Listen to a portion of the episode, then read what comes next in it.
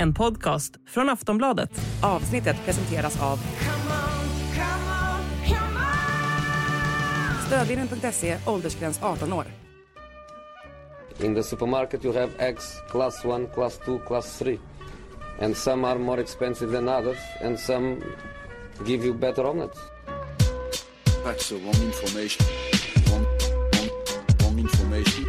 I didn't say that. That's the wrong information. Do you think I'm an idiot? Wrong, wrong, wrong information. Now look at me when I talk to you. Your job is to tell the truth.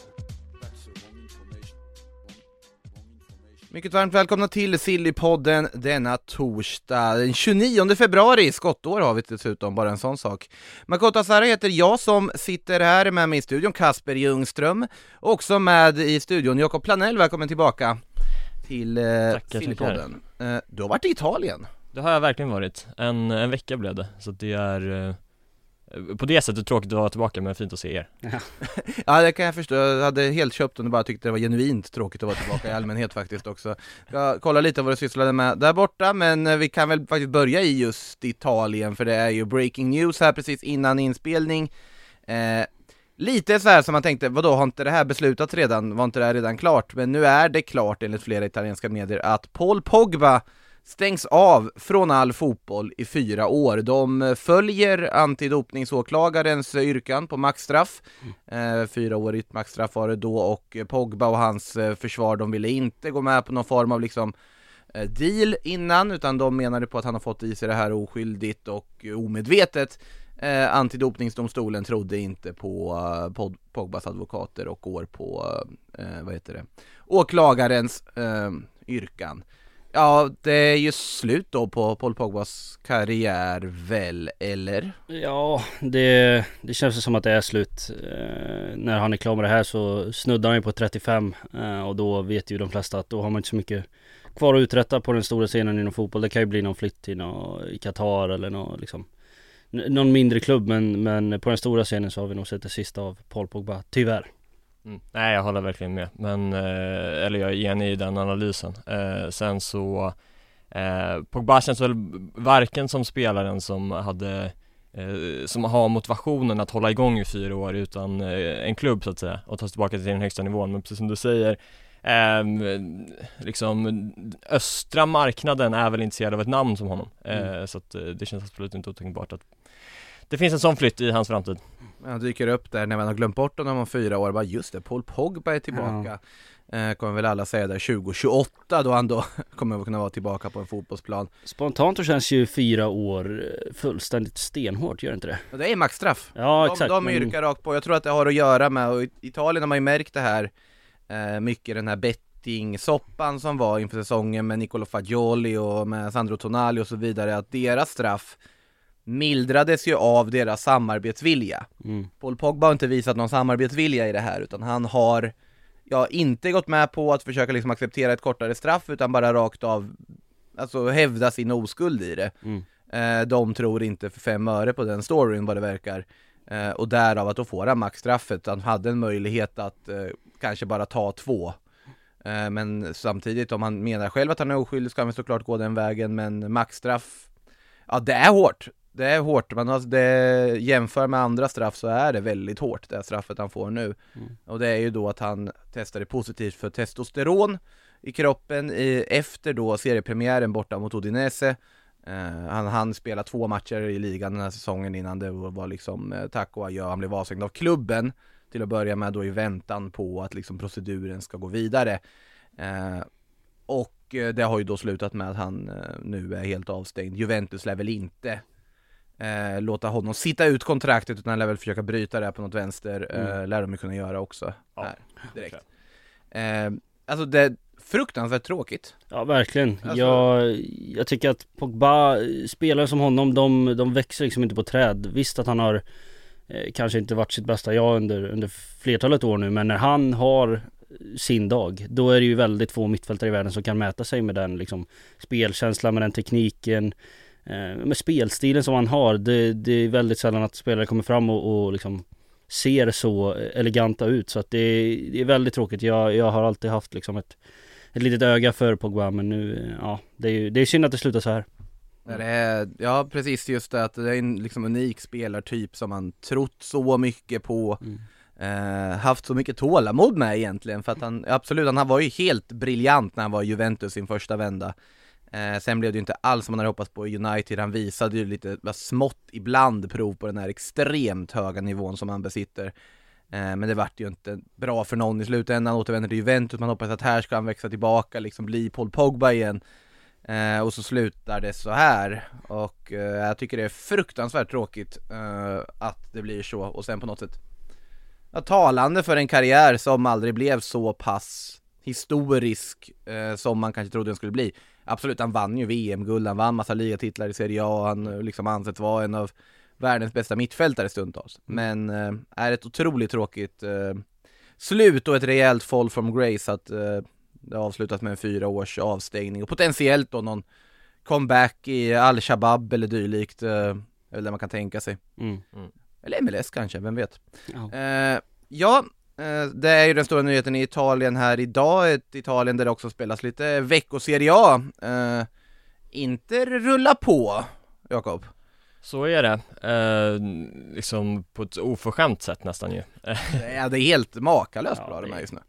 Ja, eh, precis alltså det blir ju eh, Man har ju hamnat nästan i liksom i ett mindset där det eh, Där det är svårt att ta in bara hur, hur eh, bra Inter är och många eh, Ehm, eh, många som har följt Inter länge, inklusive jag då eh, har ju svårt att dra sig till minnes ett Inter som, som har varit så här bra och då är ju liksom trippellaget inkluderat. Eh, Det är en helt annan typ av fotboll nu och det är ju, har ju med liksom utvecklingen i världsfotbollen att göra såklart men, eh, men det är, eh, det är otroligt, alltså tittar man bara på siffror så i och med 4-0 segern igår så har ju inte nu flest gjorda mål i topp 5-ligorna, färskt insläppta Ehm, och eh, har ju vunnit alla matcher i alla turneringar under 2024 Det är, eh, ja det är sanslöst Ja det är makalöst. Eh, på tal om liksom heta så är ju Atalanta som de ju mötte igår ett av Europas hetaste lag just nu. De har ju verkligen imponerat i, i Serie A och, och inte bara totalt pulverisera dem och det säger ju någonting om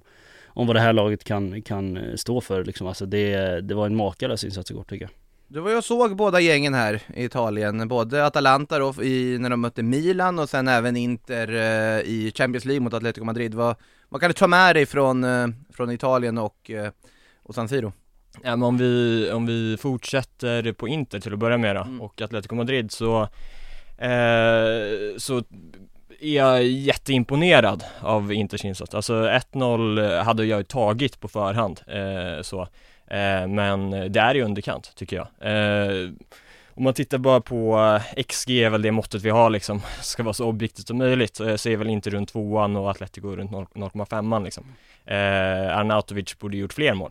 Eh, Det borde, det borde han ha gjort, den gjorde han det väldigt bra i det här inhoppet måste jag säga. Absolut. Eh, Men, eh, nej det, de eh, var ju väldigt bra i den matchen också, även om de till och med kan se bättre ut, Inter. Eh, ni som undrar, men vad Silly-ryktena, vi kommer till sånt, ni kan vara lugna. Det, det är inte jättemycket som händer just nu i den här, Det är, det är trots, skedet. trots allt slutet på februari, då finns det utrymme för, för annat. Ja, men lite så, det spelas ju faktiskt lite fotboll. Eh, ja, vad heter det, Kasper, tokhyllade Atalanta här förut också, håller du med?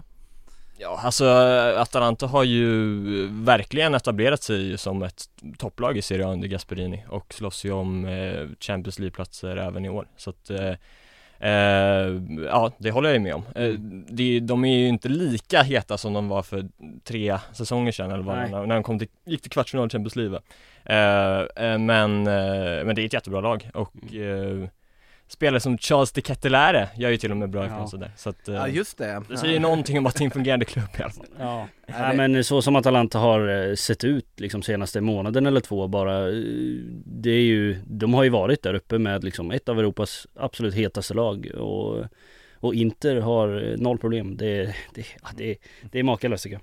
Eh, Vi har ju två svenskar i Atalanta dessutom, både Isak Hien och Emil Holm. Eh, Holm har ju varit där eh, lite längre än vad Hien har varit. Eh, ska jag säga om deras start i Bergamo, Jakob? Um, alltså Hien har ju dragits med en del skadeproblem just sen han anslöt i januari men jag tror att på sikt så är det en perfekt miljö för honom att vara i för att utvecklas Mittbackar brukar bli bra i Atalanta. Ja Mm. precis, precis och han har ju Eh, jag tror absolut att han har egenskaper för att eh, lyckas i Gasperinis trebackslinje Han är fysiskt bra, tidigare offensiv spelare, eh, skicklig med bollen och eh, eh, ja som du säger, eh, en bra miljö Gasperini har eh, Ja, har det liksom sett många eh, mittbackar utvecklas tidigare. Emil Holm har ju eh, tagit fram tills nu egentligen då, eh, en, en startplats där eh, Mm. på högerkanten under 2024. Sen så, eh, som sagt jag var ju på plats där på eh, bortamötet med, med Milan i, i söndags och då hade han det ju det var högt och lågt för honom kan man säga. Han blev tunnlad av eh, Liao till, eh, innan hans makalösa mål då, eh, till 1-0 i början av matchen och sen så var han inblandad i den kontroversiella straffen, drog på sig ett gult kort och blev utbytt i eh, halvtid. Mm. Nej, det är samtidigt en liksom bra miljöspelare. Tänkte så här. Gasperini är ju faktiskt kvar där. Ja. Man, man glömmer lätt bort det och det var ju en av liksom, fotbolls-Europas allra mest hyllade tränare när han tog Atalanta liksom hela vägen till Champions League och så. Varför pratas det så lite om honom i den här tränarkarusell? Är det för att det är så många tillgängliga? Jo, och sen har man också, han har ju visat att han har ganska liksom eh, kontroversiella ledarstilar som kanske inte passar Ja, det, det kan man väl Överallt. lugnt konstatera. Eh, Ja, sig, men... Så att så här, det, är väl, det är väl en profil som inte direkt hade varit lämpad någon annanstans än i Italien, typ. han, han löser inte en så här standardiserad uh, arbetsintervjuprocess där liksom när du ska eh, göra personlighetstest och liksom prata om olika saker och hur ska, hur ska du stärka det här teamet och, och hela den Nej men om, om Brighton kommer och knackar på dörren liksom och, och ska ha en arbetsintervju med Gasperini då Nej det blir clash efter två och en halv sekund. Eh, Det har ju varit lite snack kring Simone Inzaghi, dock. Eh, finns ju lite lösa rykten, att Chelsea är väldigt sugna på honom och så vidare, men samtidigt varför skulle han vilja lämna Inter just nu? Eh, kan man ju undra. Nej, jag tror eh, och hoppas såklart inte heller det, men alltså senast igår så fick han ju frågan om de Mm. ryktena liksom efter matchen mot Atalanta och eh, ja, dementerade ju förstås. Ja. Men, men han har ju, alltså det oros, orosmolnet är väl att han bara har kontrakt, kontrakt över eh, fram till 2025 då, så över nästa säsong. Eh, men eh, jag har jättesvårt att se att, eh, att det skulle vara några problem att förlänga det. det. Känslan är ju verkligen att, såklart att Inter vill det, men att han också vill det. Ja, och han är också medveten om att han kanske inte får jättemycket alltså, transferbudget att jobba med, eh, alltid. Eh, och kan ändå acceptera en sån, sån verklighet som ändå inte är i. Eh, är det klart med Mehdi Taremi och Piotr Zelinski till sommaren? Eh, Det ska det ju vara, Zielinski sägs ju att han har eh, re- redan har genomgått lä- läkarundersökningen och Ja. Taremi ska ju vara bokat åtminstone om det inte liksom har, har, har genomförts lite i skymundan. Men eh, det ska vara klart och det är ju eh, ja men ytterligare spets och bredd då till Inters redan ganska starka mittfält och eh, ja, framförallt eh, ett vassare, ett tredje val skulle jag säga än det som finns eh, nu på, i, i anfallet. Ja, och eh, Simone Inzaghi gillar ju att rotera sina anfallare. Sen, som sagt, Arnautovic gjorde ändå bra mot Mm. eh, Atletico. Eh, nämnde Rafael Leao i förbifarten här förut, han har ju också varit eh, flitigt eh, omryktad, eh, han gick väl ut här och sa att han tänker bara på AC Milan just nu och att det här snacket om Chelsea och Premier League och PSG och allt vad det är, det, det har han inte mycket till övers för, men såklart han säger det eh, i slutet av februari under en säsong där Milan fortfarande har ganska mycket att eh, spela för.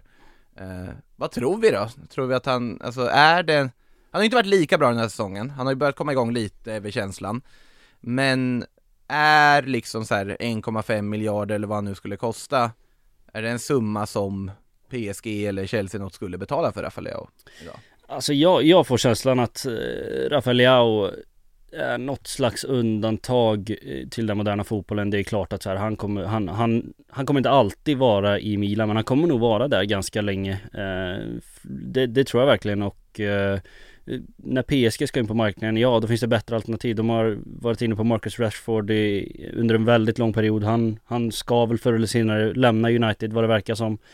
Alltså Leao är ju ett bättre alternativ än Rashford Ja men det är också ruskigt mycket dyrare förmodligen Eh, Sannolikt ja, Ja sannolikt och eh, Ja nej jag, jag, jag tror faktiskt att han, att han blir kvar helt enkelt mm. är det, Då har nog Milan varit glada för om han skulle bli mm. Victor Osimhen lär väl dra va? Det, Ja, eller?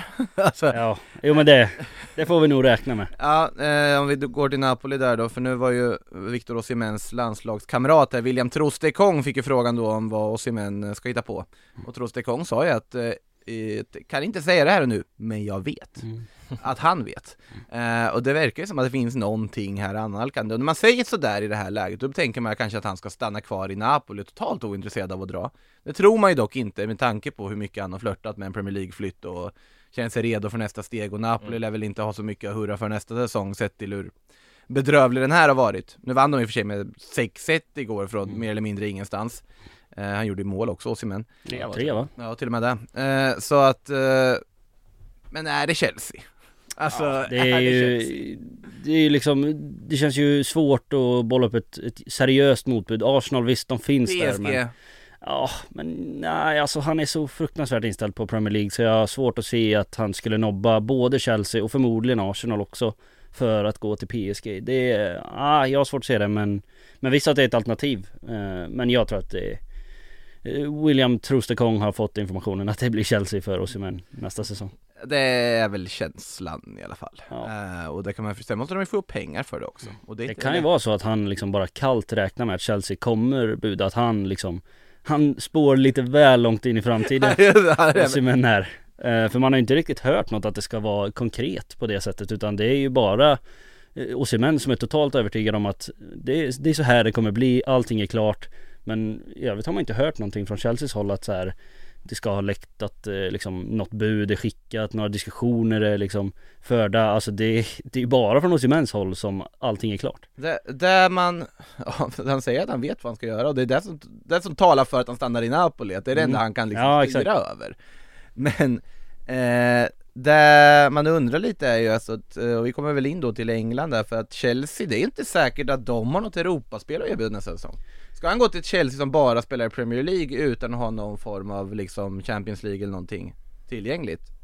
Ja det, det är klart att det är en nackdel men Brinner han så mycket för Premier League? Ja det verkar ju inte bättre än att han gör det Alltså han, han verkar ju vara liksom totalt inställd på att eh, det blir Premier League Det finns två alternativ, Chelsea är frontrunners. Då, ja, då får han nog liksom ta det Eftersom att han är så angelägen om att flytta till Men Premier om, League. om man leker med tanken att Arsenal och Chelsea budar lika mycket så är väl snarare Arsenal en väldigt mycket intressantare destination att gå till idag. Ja, så är det ju absolut. Eh, Men eh, då ska de ju också buda lika mycket och det, det har man ju svårt att se men Ja, det, den- det är väl ingen omöjlighet men Det är den lilla, lilla detaljen. Mm. Eh, ja och sen har vi Manchester United ska vi väl inte helt glömma bort här heller. nej Eh, jag tror ju inte vi ska helt utesluta PSG. Det, det måste Nej. ju ändå vara lockande att säga, du blir Kylian Mbappés ersättare. Ja. En bra piedestal man sätter in honom på då. Mhm. På tal om Chelsea vi nämnde tidigare, de har ju en liten Europa-livlina kvar och det är ju FA-cupen. Satt långt inne mot Leeds, eh, vann med 3-2 där till slut efter Conor Gallaghers sena mål. Om ni höra mer om Chelseas säsong i övrigt kan ni lyssna på Sportbladet Daily idag för övrigt där vi pratar just Chelsea eh, och eh, problemen de har haft trots alla miljarder de har spenderat. Eh, men det man kan säga här kortfattat är väl i alla fall att de Alltså de behöver ju, FA-cupen är verkligen viktig för dem. Ja absolut men, men sen är det ju inte totalt över i ligan om man ser till bara Europa. Alltså jag, om jag har liksom gjort kalkylen rätt så är väl sjunde platsen Conference League nu va? Och eh, eh, beror väl lite på vad som händer med eh, kupper och Ja med exakt, eh, exakt. koefficienter och Precis men om, om vi någonstans utgår från det så är det ju bara fyra poäng upp till Brighton Som inte är bra för tillfället. West Ham är inte heller bra. Eh, nu var man senast men de spelar inte bra fotboll, så är det bara. De vann med 4-1. 4-2. eh, så 4-2 att- till och med var det. Eh, ja absolut, en bra insats men sett över hela kalenderåret så har det varit bedrövligt. Så att eh, de svajar, de som är mest stabila det är Wolves just nu. Det är det är de som det är de som någonstans eh, ja, men hotar om, om Europaplats på mest allvar för att Newcastle är ju totalt under isen eh, och sen är det bara fyra poäng upp. Så att det, Brighton, jo exakt men de är inte heller speciellt bra ah, fast för dagen. alltså det är ganska stort avstånd ändå och sen får man räkna, Det är alltså, fyra poäng. Det är inte så stort. jo för Chelsea för de kommer inte gå rent. Nej. De kommer, det, det, Men de är med i racet i alla fall.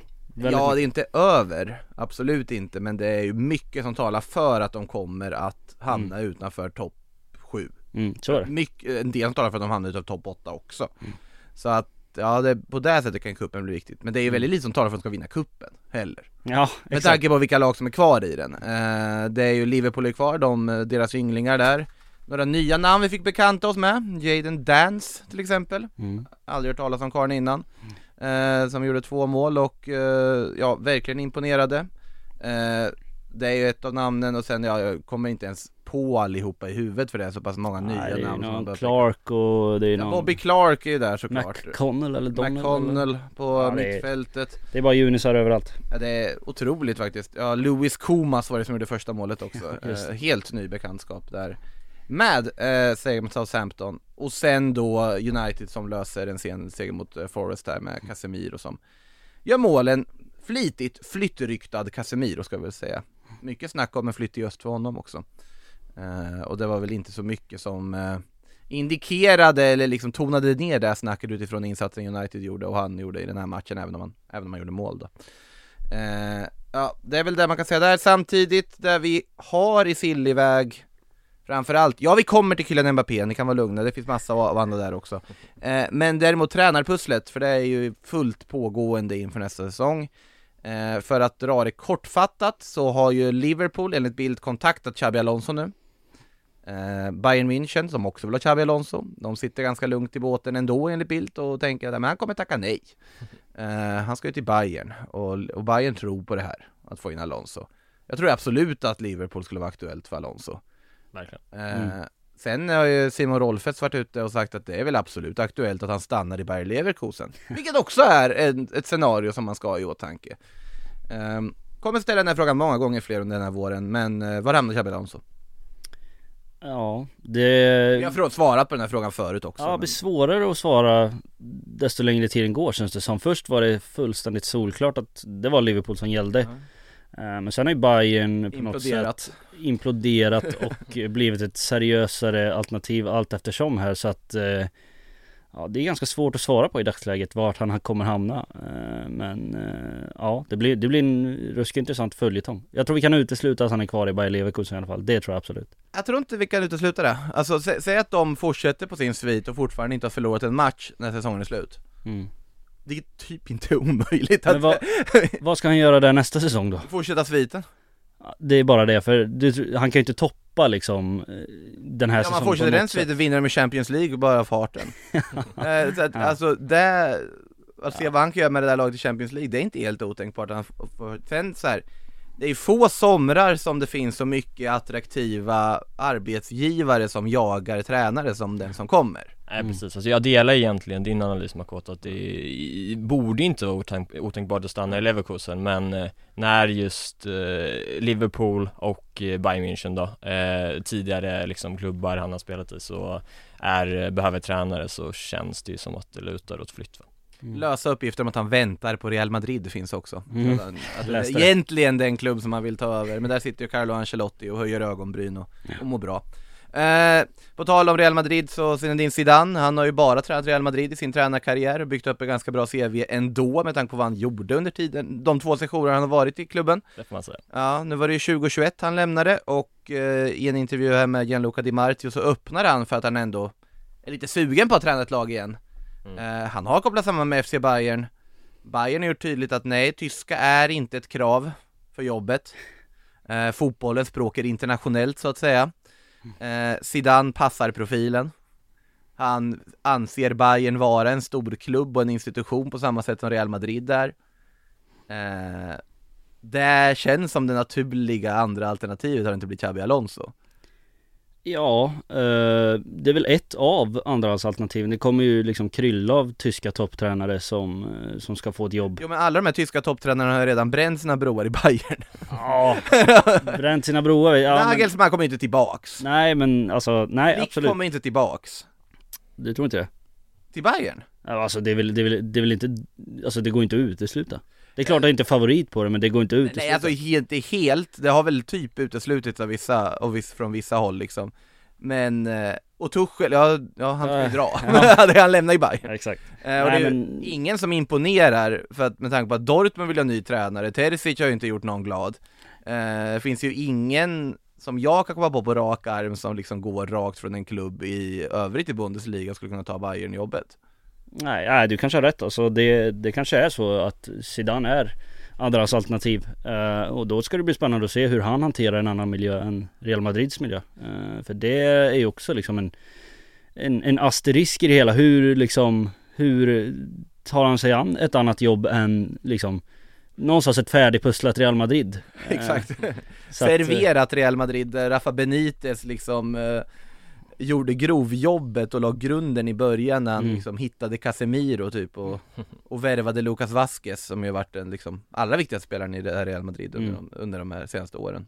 Eh, jag bara. Eh, men... Eh, Jättehipsteråsikt annars, ja det piggar upp nej, jag står för den helt och hållet egentligen. Men apropå Zidane så lär väl också eh, Juventus kanske vara lite ute efter honom, eller? Vad tror ni? Självfallet. Ja det tror jag nog. Det har ju, det kändes ju ganska aktuellt för några år sedan Alltså kanske när eh, Cristiano Ronaldo gick dit och sådär så bollades upp lite Mm. att, Och han har ju spelarhistoriken där eh, och Allegri kan väl inte vara kvar? Nej, det Alltså vad, men vad, vara svårt att se. vad ska de göra då? Alltså nu har ju ändå Allegri gjort Alltså den här säsongen har han ändå gjort det ganska bra. Ja, poängmässigt ja, alltså ändå, eh, liksom kanske över förväntan men det är ju inte Ingen blir ju glad av hur det ser ut Nej. Nej men Juven- Juventus är ju också en klubb där du kan komma undan med att eh, du behöver liksom riva ut ögonen för att titta på deras fotboll Så är det ju lite, men frågan är liksom om eh, man i världsfotbollen, hur länge, alltså är det så som världsfotbollen ser ut idag? Eh, jag tror inte man överlever på samma sätt eh, som man kanske gjorde för 15 år sedan, eh, Nej. med, med liksom med en sån typ av fotboll Du tror inte Capello hade haft framgångar i dagens fotboll?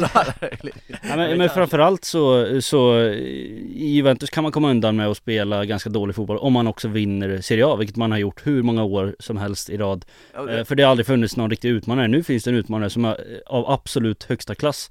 Eh, Så att Utmanande, då, det alla jagar inte Ja men exakt det liksom. är Men alltså så att Idag kommer man nog absolut inte undan på samma sätt som man gjorde för 6, 7, 8, 9 år sedan. Sen får man ju titta på Juventus trupp Alltså det, det är ju en av de svagaste Juventus-trupperna i mannaminne som, som de formerar ut här. Nu absolut eh, något vassare känns det väl som än vad fallet var stundtals förra säsongen när man undrar det här är inte värdigt Juventus ställa ut här typ av lag Mm. de gjorde.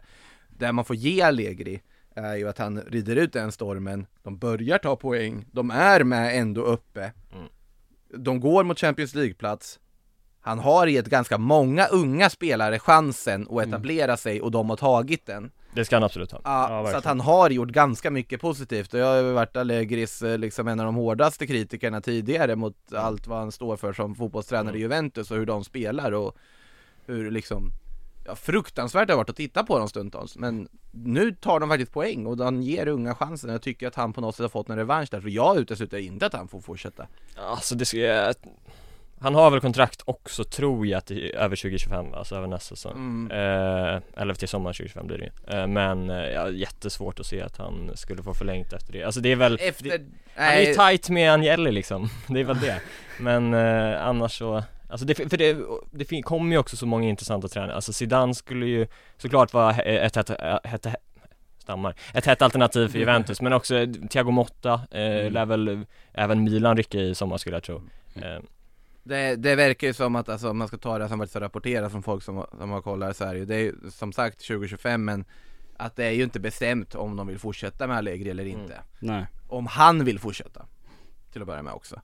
Eh, ja och då absolut, men Zidane, om man får välja mellan Bayern och Juventus idag, om vi går tillbaka till den grundfrågan, eh, då väljer man ju Bayern idag även om det är rörigt det där. gör man ju. Eh, absolut, Juventus är långt ifrån där de var en gång i tiden. Sen vad Juventus ska gå för, för tränare, profil och ersättare, svårt att sätta fingret på. Ja. Eh, väldigt svårt att sätta fingret på. Alltså jag tänker ju spontant och utesluter inte typ De Cherby.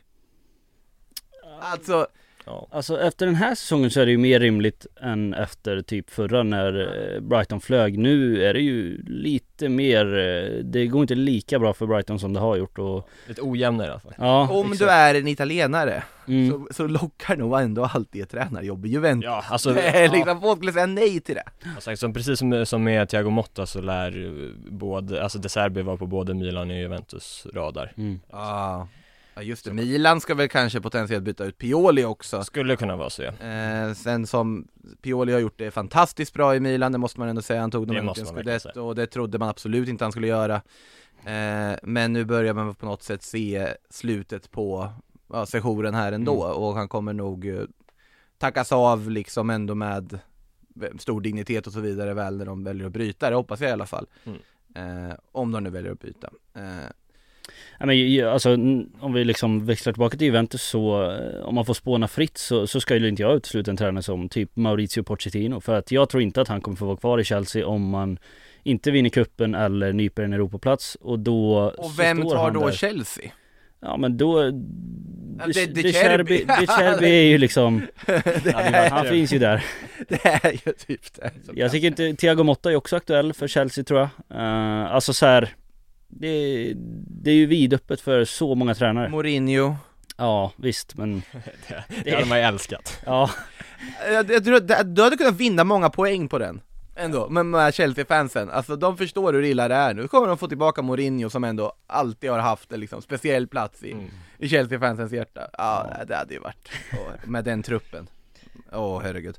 Eh, Andra klubbar som letar, ja Newcastle verkar ju inte vara helt nöjda med Eddie House efter den här säsongen, det kan man också förstå, det var väl en tidsfråga, jag tyckte han gjorde, slog över sin vikt förra säsongen verkligen. Mm. eh, Intresserad av Julian Nagelsmann sägs det, som ju kan vara ledig efter då EM Många tränare som alla bara förväntar sig ska vara på marknaden, som man bara väntar på att de ska göra sig av med till sommaren.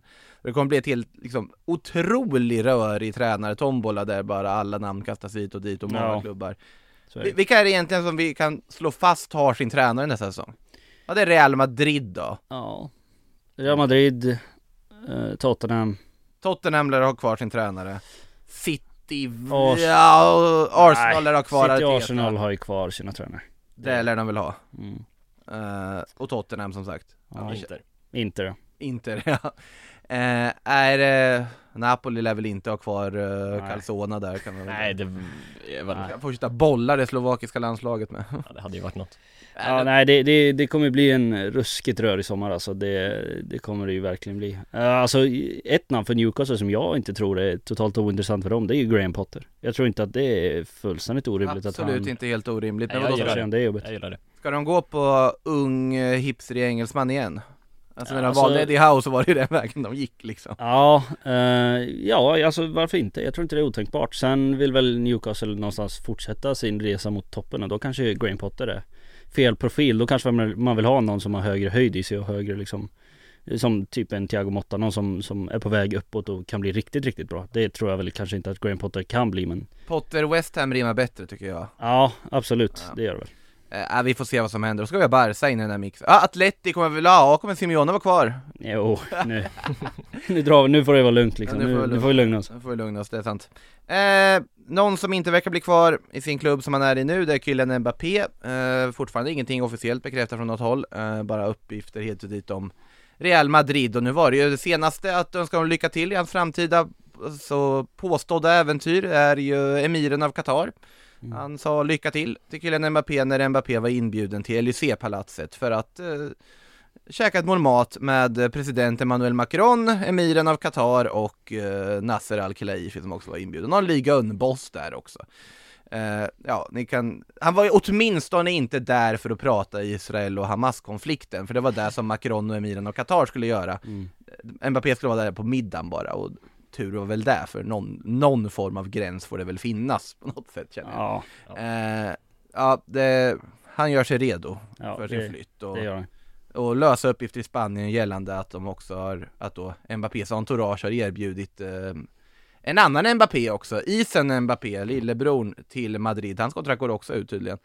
Eh, ja, jag vet inte om det är ett krav eller ett erbjudande i förhandlingarna. En sån här gammal Donnarumma Ja jag tänkte precis säga det Donnarumma, ja fast isen är ju faktiskt ändå lovande. Ja, jo det får man säga. Eh, Det var ju en Donnarumma-lösningen storebrorsa till och med.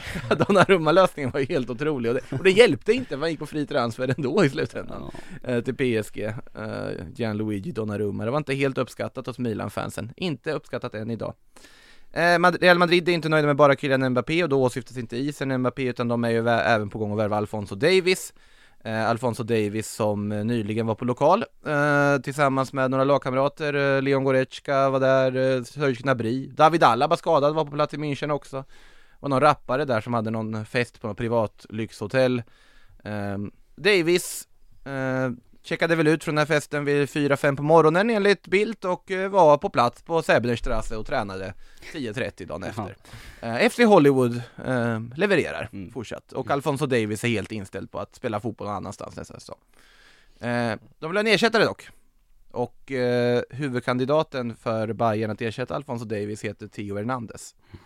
Ja, Det är ju oerhört rimligt sett till spelarprofil och allt annat så att det men frågan är hur, hur lättlöst det blir. Eh, ganska uppskattad i Milan, eh, Mm, ganska verkligen. viktig för Milan. Ganska, att, eh, ja, det jag inte. Ja, det, jag har svårt att se att man ska lösa det men det, det är klart att han är första val, det förstår väl alla nästan. Alltså om man var, om jag var Milan så hade jag ju hellre sålt Leao än Theo Hernandez. Ja, Alltså sett till vikten han har och hur han har växt i den där klubben och, och allting. Mm. Sen är frågan, vad kan de tacka nej till för bud? Eh, vad vill Theo Hernandez själv? Han har varit ganska många år i Milan nu också.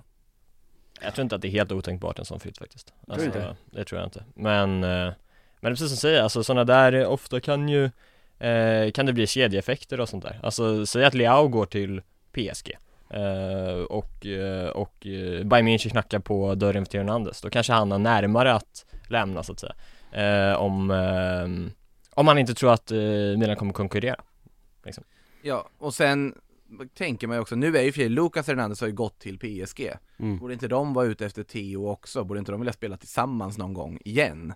Eh, och Theo Hernandez har nog gjort ganska bra i PSG också kan man säga. Jo. Och passar helt in på profilen vad PSG vill ha för spelare och bygga laget kring, det vill säga franska spelare. Mm. Eh, en annan som är på den här listan över potentiella vänsterbackar till Bayern är faktiskt Andy Robertson. Eh, inte heller helt dum tanke tycker jag. Eh, nej, alltså det, är- det är ju absolut ingen dum tanke från, eh, från Bayern men återigen, Jo, jo, jo, alltså, Alltså, varför skulle... det, det, det, ska ju, det ska ju mycket till för att en spelare ska lämna det här Liverpool. Eh, nu ska ju liksom Jürgen Klopp, Klopp ut och då ska ju någon, någon, någon ny in så att eh, vi får väl se hur, hur han väljer att liksom formera laget och så men jag tror att när du har kommit till Liverpool, den staden som det är, det laget som det är, alltså den känslan som det är, då då är det väldigt få spelare som, som lämnar. Och det har vi sett, alltså de har ju haft kvar sina kuggar väldigt, väldigt länge nu. Och de, det är ju Klopp som har byggt hela det här laget. De har ju varit där från Klopps start till slut. Så att Ja, vi får se. Men jag tror att det blir svårlöst. Det är ju därför jag menar just att om man ska försöka värva någon från Liverpool så är det väl den här sommaren. Alltså när det finns en osäkerhet, vem ska träna dem. Mm. eh, Och i fallet Robertson så känner man inför säsongen när man pratar om Trent Alexander-Arnolds nya roll på motsatt kant den kan ju bli liksom ett problem för Robertson som ju är en väldigt renodlad vänsterback Han kan inte spela till vänster i en trebackslinje eh, Och om Liverpool ska börja experimentera på det sättet med motsatt ytterback och den profilbeskrivningen så kan det ju bli liksom problem för Robertson som kanske inte passar in i det nya systemet. Så det är ju en sån spelare jag kan tänka mig ändå. Också att han har gjort verkligen, han har vunnit allt han kan vinna i Liverpool. Han har varit där, det där, han har blivit en liksom stor spelare och en av världens bästa på sin position. Ny, ny utmaning, nytt äventyr. Ser det inte som helt otänkbart ändå. Och om du ska gå, då är det väl samtidigt som tränaren som byggde dig på något sätt. Ja, jo, så är det väl kanske. Eh, men då, alltså vänsterbacken är fel position att, att börja släppa spelare på för, eh, för Liverpool. Sen som högerback, ja det finns väl liksom en väg ut för eh, Trent Alexander-Arnold efter att Conor Bradley har kommit in och gjort eh, bra succé. Men vänsterback däremot, ja det är Joe Gomez. Ska han... Men du värvar ju en ny då. Ja, en som passar. gör du det? Ja men en som Då passar. sätter du Joe Gomez på bänken igen alltså, efter den här säsongen. Ja, att, alltså, ska du gå in med Joe Gomez som första valet på den positionen? Nej det är det jag menar. Det är, alltså så här, det, ja, det är oerhört svårt. Jag har svårt att se det hända överhuvudtaget faktiskt. Vi får väl se vad som händer helt enkelt. Nu är ju Theo Hernandez första valet och det är ju inte helt orealistiskt heller, som sagt. Någon som har varit misslyckad i sin klubb han har gått till, det är ju Anton i Manchester United. Han har inte gjort någon glad på något vis. Fick ändå spela här mot uh, Nottingham Forest. Tog väl inte riktigt chansen eh, ändå, eh, kan man säga. Och United vill ju rea bort honom i sommar nu. Eh, Sir Jim Ratcliffe, nya delägaren, vill rensa i truppen. Anthony ska bort. Och man är benägen att acceptera ett bud som ger en ganska rejäl eh, minusspruta för dem så att säga. Att de, de fattar att vi kommer aldrig få tillbaka de pengarna man la på honom. Det var ett misstag. Eh, nu ska han bort. Vem vill köpa Anton i det här läget? Ja, det är ju Ja. högst oklart. Verkligen. Ja men skulle, alltså oftast när du har floppat i Premier League så, så kommer ju ändå, kommer en Serie A-klubb knackandes på dörren och tänka men här finns en spelare man vill ge en ny chans Det är ofta en annan profil än Anthony. Det är ju det Ja det, ja det blir ju också, wow, United har inte varit kända för att vara bra på att göra sig av med spelare heller. Ehm, Vi får väl se hur det här går Ja verkligen. Som ett lån någonstans kanske, Ja, i första läget i alla fall. kan ju bli en ny Jadon Sancho historia här. Ja, det är lite så. känslan. Ja, det, vi får väl se vad allt renderar i. Eh, på tal om yttrar så har vi ju en spelare som kommer snacka som ganska mycket i sommar är ju Roni Bardghji, den unge svensken i FC Köpenhamn. Eh, han har inte fått spela jättemycket på sista tiden, eh, ja, alltså han har inte spelat överhuvudtaget till och med under 2024. Eh, och enligt Fabrizio Romano då så ska anledningen till det här vara att Bardghji inte vill skriva på ett nytt kontrakt. Han har bara 18 månader kvar på sitt kontrakt och flera toppklubbar som följer honom. Och att det här rapporteras är ganska intressant. Eh, och signalerar en viss sak och då tar vi faktiskt upp en eh, lyssnarfråga här från Herman Kakansson. Eh, kan inte diskutera Fabricio avslöjandet att han säljer ut sig till och sitt konto till lag och under tid känt att något förändras med hans konto utan att sätta fingret på det gör inte det att hans neutralitet och trovärdighet helt försvinner. Och det här är, en, är ju liksom relaterat till en text i Tipsbladet som pratade om just Roni Bardghji och FC Köpenhamn eh, där man ganska tydligt ser att jo men här går han en viss agenda. Mm. Eh, och det finns uppgifter på att han även kontaktar klubbar för att liksom, jag kan trissa upp priset på er spelare om ni betalar mig det här och så vidare. Mm. Känslan jag får på något sätt är att har inte alla redan förstått att Fabrizio Romano är snarare en silly season influencer än en silly season journalist? Jo. Alltså hans Here We Go-tweet sponsras av Turkish Airlines. Mm. Ja, det, det, är ju, Alltså- det är ju där vi har hamnat med honom liksom. Han gör ju eh, ren och skär reklam för spelare höger och vänster. Eh, så att Ja, ja, det är klart att eh, det är en, en liksom rimlig fråga att ställa och jag tycker att det eh, det är som du säger, han är mer av en influencer nu än en, någon slags journalist. Det är viktigt att poängtera, när han säger att saker är klara och någon ska flytta, då finns det en väldigt hög trovärdighet i Mm. det. Absolut, och det är ju för att han har de kontakterna, men mycket av hans kontakter är rena rama agentkontakter Mm. Och det räcker med att titta på att vissa spelare lyfts väldigt ofta när de gör vissa saker, eh, liksom Mm. han, och det finns en anledning till det. Mm. Eh, och det tror jag väl de flesta ändå hoppas jag har koll på att det är så. eh, så att absolut, neutralitet och att han ska vara liksom, alltså eh, vad ska man säga, independent journalist, det, det, det är nog inte många som tror på idag och det är han Nej. inte heller. Nej, verkligen. Däremot, absolut, ett here we go, det är en trovärdig uppgift i sammanhanget för han har ju sin, sina kontakter och sin koll, så är det. Ja man ska ju heller liksom i allt det här, all den här kritiken ska man ju inte klanka ner på Romano. Han är ju fortfarande nummer ett sett över hela världen. Eh, han är ju tr- mest trovärdig eh, när det kommer till det breda spektrumet. Sen är det klart att det finns tyska journalister som är mer trovärdiga i Tyskland och engelska som är, alltså så är det ju men Sett över, över liksom en helhet så tycker jag väl att han är mest trovärdig Sen, av alla. alltså trovärdig på att uppgifter är korrekta ja. Mm. Sen uppgifterna som väljs att skickas ut, och nu pr- pratar inte jag om Here We Goes till exempel. Nu pratar jag om man bara tar upp Romanos flöde här till exempel. Eh, det, det har ju varit, det är mer eller mindre ett nyhetsflöde nu för tiden. Eh, på olika saker som händer om fotboll och så vidare. Men ibland kan det bara från ingenstans utan att det är aktuellt komma att Ja men titta på Viktor Gyökeres som gjorde sitt 25 mål i säsongen, han har gjort fler än så. Mm. Men eh, flera klubbar följer honom till sommaren. Mm. Och där är det väldigt tydligt, där finns det ju någon form av nu ska vi bygga det här namnet, nu ska det liksom eh, göras pengar Mm. eh, för den här spelaren och så vidare. För det finns ju en tanke eh, där på alla sätt och vis såklart. Eh, här kom det en nyhet till exempel eh, igår om att Per Schurz har skrivit på för en ny agentur. Redo att komma tillbaka från sin eh, korsbandsskada. Mm. Eh, Flera klubbar är fortfarande intresserade av honom och då är det en påminnelse. Jo, ja, men här är Per Schurz. Marco Ehi gjorde en minor surgery och det gick bra, borta Mm. 68 veckor. Han kommer nog spela lite inför Euro. Ja, Guehi är uppe på tapeten. Det finns en sån agenda, sen absolut att det han rapporterar stämmer ju.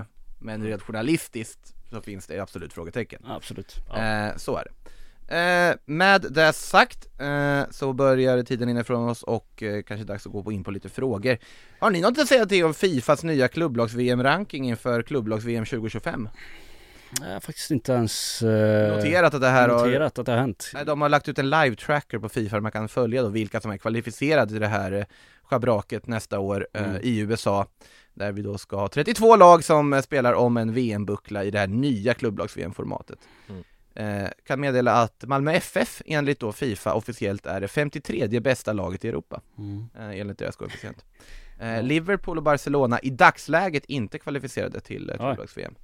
Eh, det är däremot Salzburg. Eh, fråga mig inte exakt hur det går till och det ska vi inte gå in på i, i närmare detalj här. Eh, det är långt kvar till 2025 trots allt.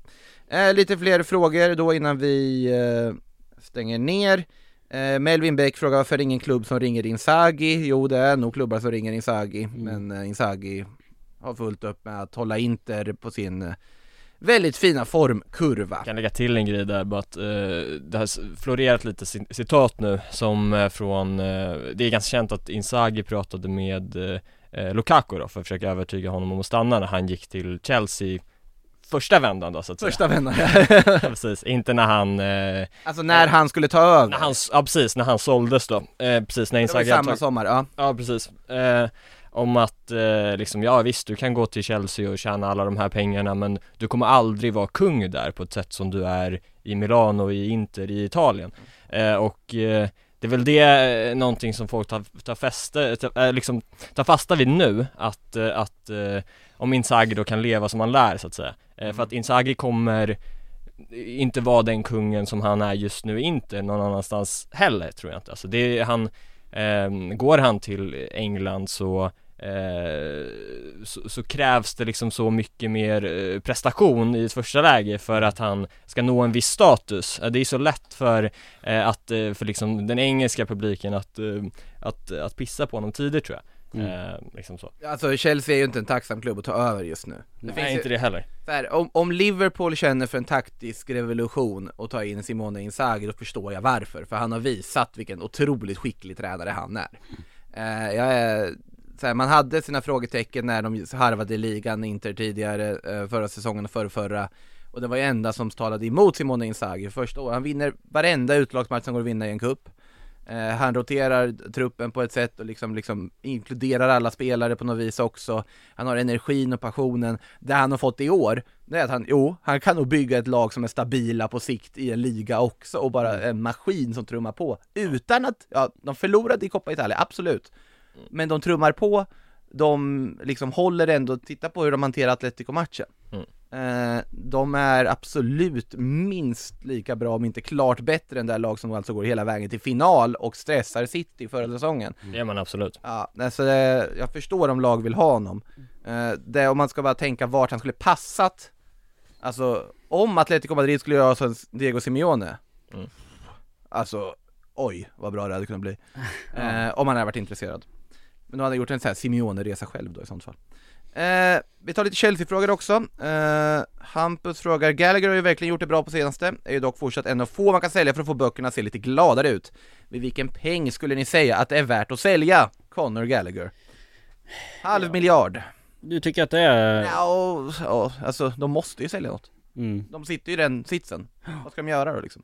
Ja nej absolut. Det, det är ju en sist de har satt sig i själva och eh, Gallagher är väl liksom den sista, nej inte riktigt sista men han är väl den närmsta att bli såld liksom som är egenfostrad och så. Sen finns väl Colwill där också som PSG vill ha. Eh, Ja exakt som, som har ryktats lite, lite här och var. Eh, Men nej det är klart att priset man behöver vara ganska hög för att han är någonstans som stommen i gamla Chelsea. Alltså han var inte en del av gamla Chelsea men han är Chelsea liksom han är Chelsea personifierat. Han behöver vara kvar för att det ska finnas någon slags identitet i det här laget och Ja, det är hellre sålt Colwill. Ja, jag med. Mycket Ja, hellre. Hellre sålt Colwill, du har ganska, jag tycker ändå att Många ifrågasätter att de behöver ny mittback och sånt, men alltså Disasi har inte varit dålig Nej. Badiashil har varit skadad, Fofana är skadad Mm. Du har värvat massa unga franska försvarare som håller landslagsklass Som absolut kan bli bärande på sikt Sen, vem ska vara den ledande gestalten i det här försvaret? Det vet jag inte riktigt, för Thiago Silva har på något sätt varit det Mm.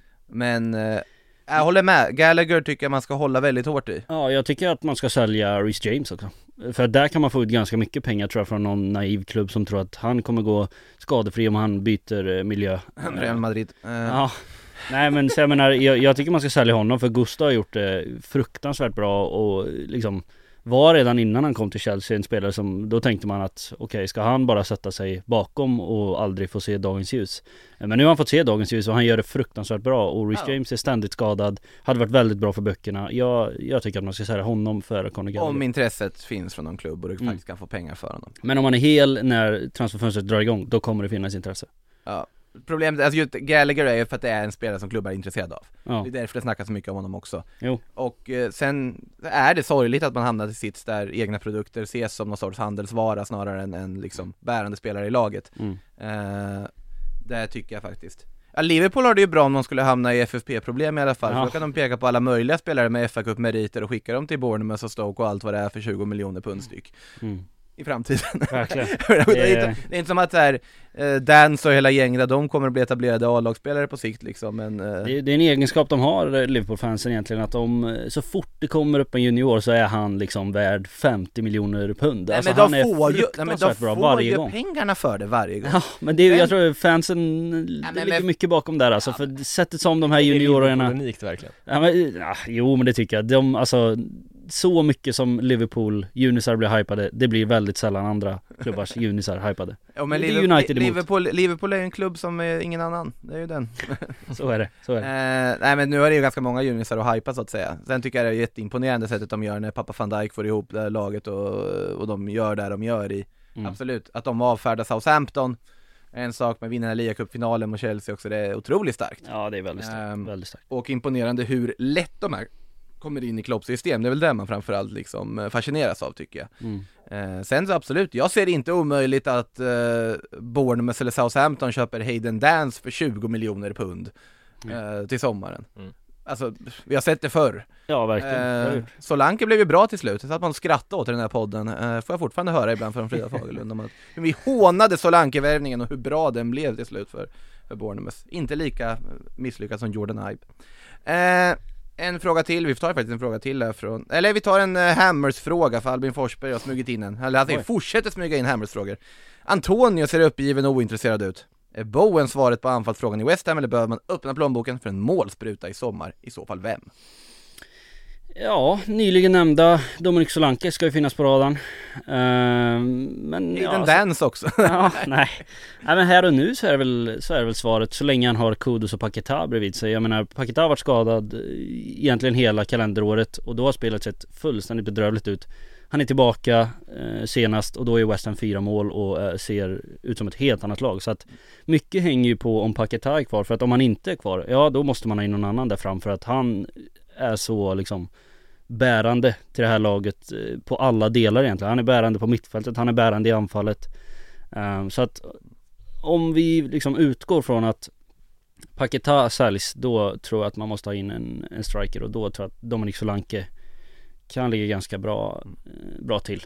Där. Eh, Måste också rätta mig själv, Jaden och inte Hayden Dance. Jag tror jag sa det tidigare i podden, Ja. men jag började tänka på Hayden Christensen av någon anledning antar jag. Om ni minns de gamla Star Wars-filmerna. Tänk på Isaac Hayden bara. Isaac Hayden kanske man tänker, det är kanske mer relevant för den här podden. Noterade att Hayden Christensen hunnit fylla 42, eh, för övrigt också. Eh, bara en sån sak. Kanske man trodde han var till och med ännu äldre. Mm. Äh, vilka filmer det var. Eh, Ja just det. Eh, den här 1, 2, 3 trilogin alltså med, med Anakin Skywalker där. Nej nu ska jag inte gå in på någon Star Wars eh, eh, sidospår. Ehm, ja, vi tar en fråga från Melvin Beck här till om Chelsea faktiskt, för den är intressant att besvara. Är det någon spelare i Chelsea som har ökat och behållit sitt värde sedan Todd Bowley tog över klubben? Palmer och Enzo? Frågetecken. Enzo har inte gjort det. Nej, Enzo har inte gjort det. Palmer har definitivt gjort det. Palmer har dubblat det Ja. minst. Jag skulle väl säga utifrån vad de har värvat dem för att Det är knappt om man kommer ihåg de här summorna vad spelare har värvats för. Alltså ju- Madueke och Nico Jackson kostar inte för mycket Nej. Och jag tror att de absolut om de skulle vara till salu att man skulle kunna få tillbaka pengarna för dem Mm. Malo Gusto. Absolut, Malogusto, absolut Petrovic. Petrovic, absolut Conor Gallagher Ja. eh, Har ju väl ökat värdet senaste tiden han har spelat där Ehm, Är det någon annan som har gjort det? Är frågan. Man måste Robert Sanchez har inte gjort det Nej, Caicedo blir svår att argumentera för. Han gjorde ja, en ny... alltså, Det är ju överpris från början Ja, det är... Eh, ja. var ingen vacker insats från honom igår heller tycker jag inte. Alltså, han gjorde väl vissa saker rätt tycker jag ändå Ja. liksom, han, han har ju kvalitet och talang men det är också så att många stirrar sig blind på en fantastisk säsong i Brighton Mm. Det är ju faktiskt så Många stirrar sig också blind på en prislapp. Alltså Caicedo är ju inte en spelare som är värd så mycket pengar. Men det var han ju inte från början Han hade en säsongs Nej, erfarenhet När han, det, väl- när han väl har värvats för den summan, då förväntar ju sig folk att okej men här kommer en riktig star player. Jo men det är det här som är problemet med alla Chelseas värvningar, att de värvar ju spelare som ska bli där på sikt, som har potentialen att bli där på Mm. sikt Men då måste de också ha en miljö de kan utvecklas till att bli det på sikt Mm.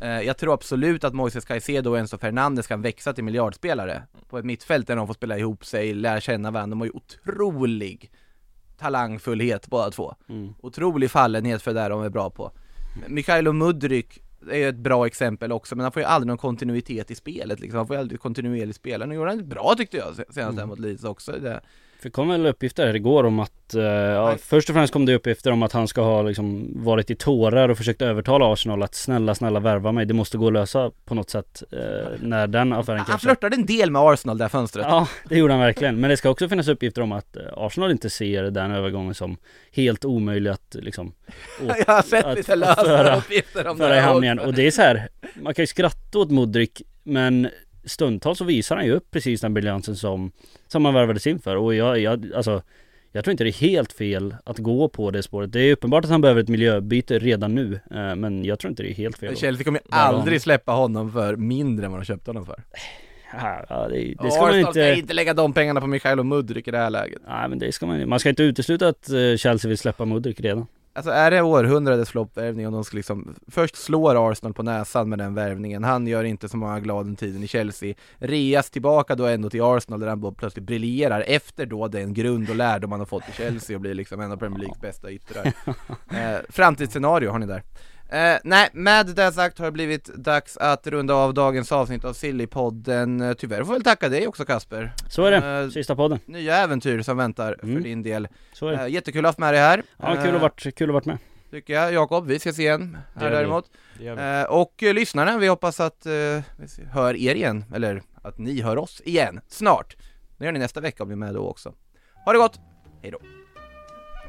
In the supermarket, you have eggs class 1, class 2, class 3. And some are more expensive than others, and some give you better omelets. That's the wrong information. Wrong, wrong, wrong information. I didn't say that. That's the wrong information. Do you think I'm an idiot? Du har lyssnat på en podcast från Aftonbladet. Ansvarig utgivare är Lena K Samuelsson. Are you ready to enhance your future in tech? Then it's time to make your move to the UK, the nation that has more tech unicorns than France, Germany, and Sweden combined. The nation that was third in the world to have a $1 trillion tech sector valuation. The nation where great talent comes together. Visit gov.uk forward slash great talent to see how you can work, live, and move to the UK. ton